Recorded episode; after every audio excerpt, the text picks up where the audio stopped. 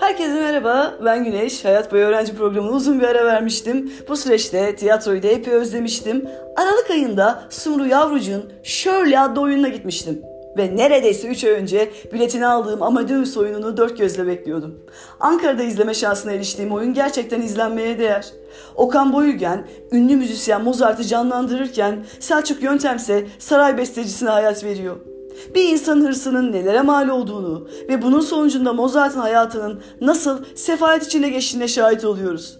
Tanrı tarafından verilmiş bu yeteneğin bu derece kıskanılıyor olması ve genç yaşta Mozart'ın acılar içinde hayatının son buluyor olması biz izleyicileri derinden sarstı.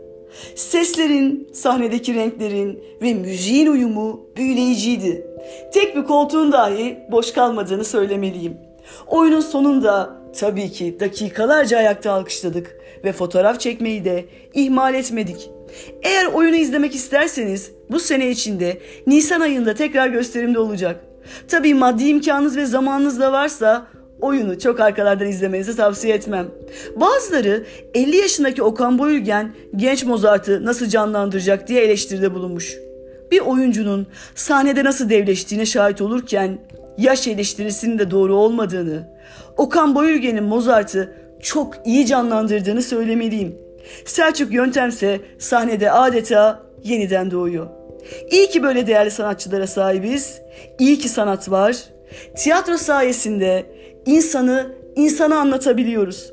İzlemek isteyenlere şimdiden iyi seyirler. Biletleri hemen alın çünkü çok çabuk tükeniyor. Yine görüşmek üzere. Hoşçakal.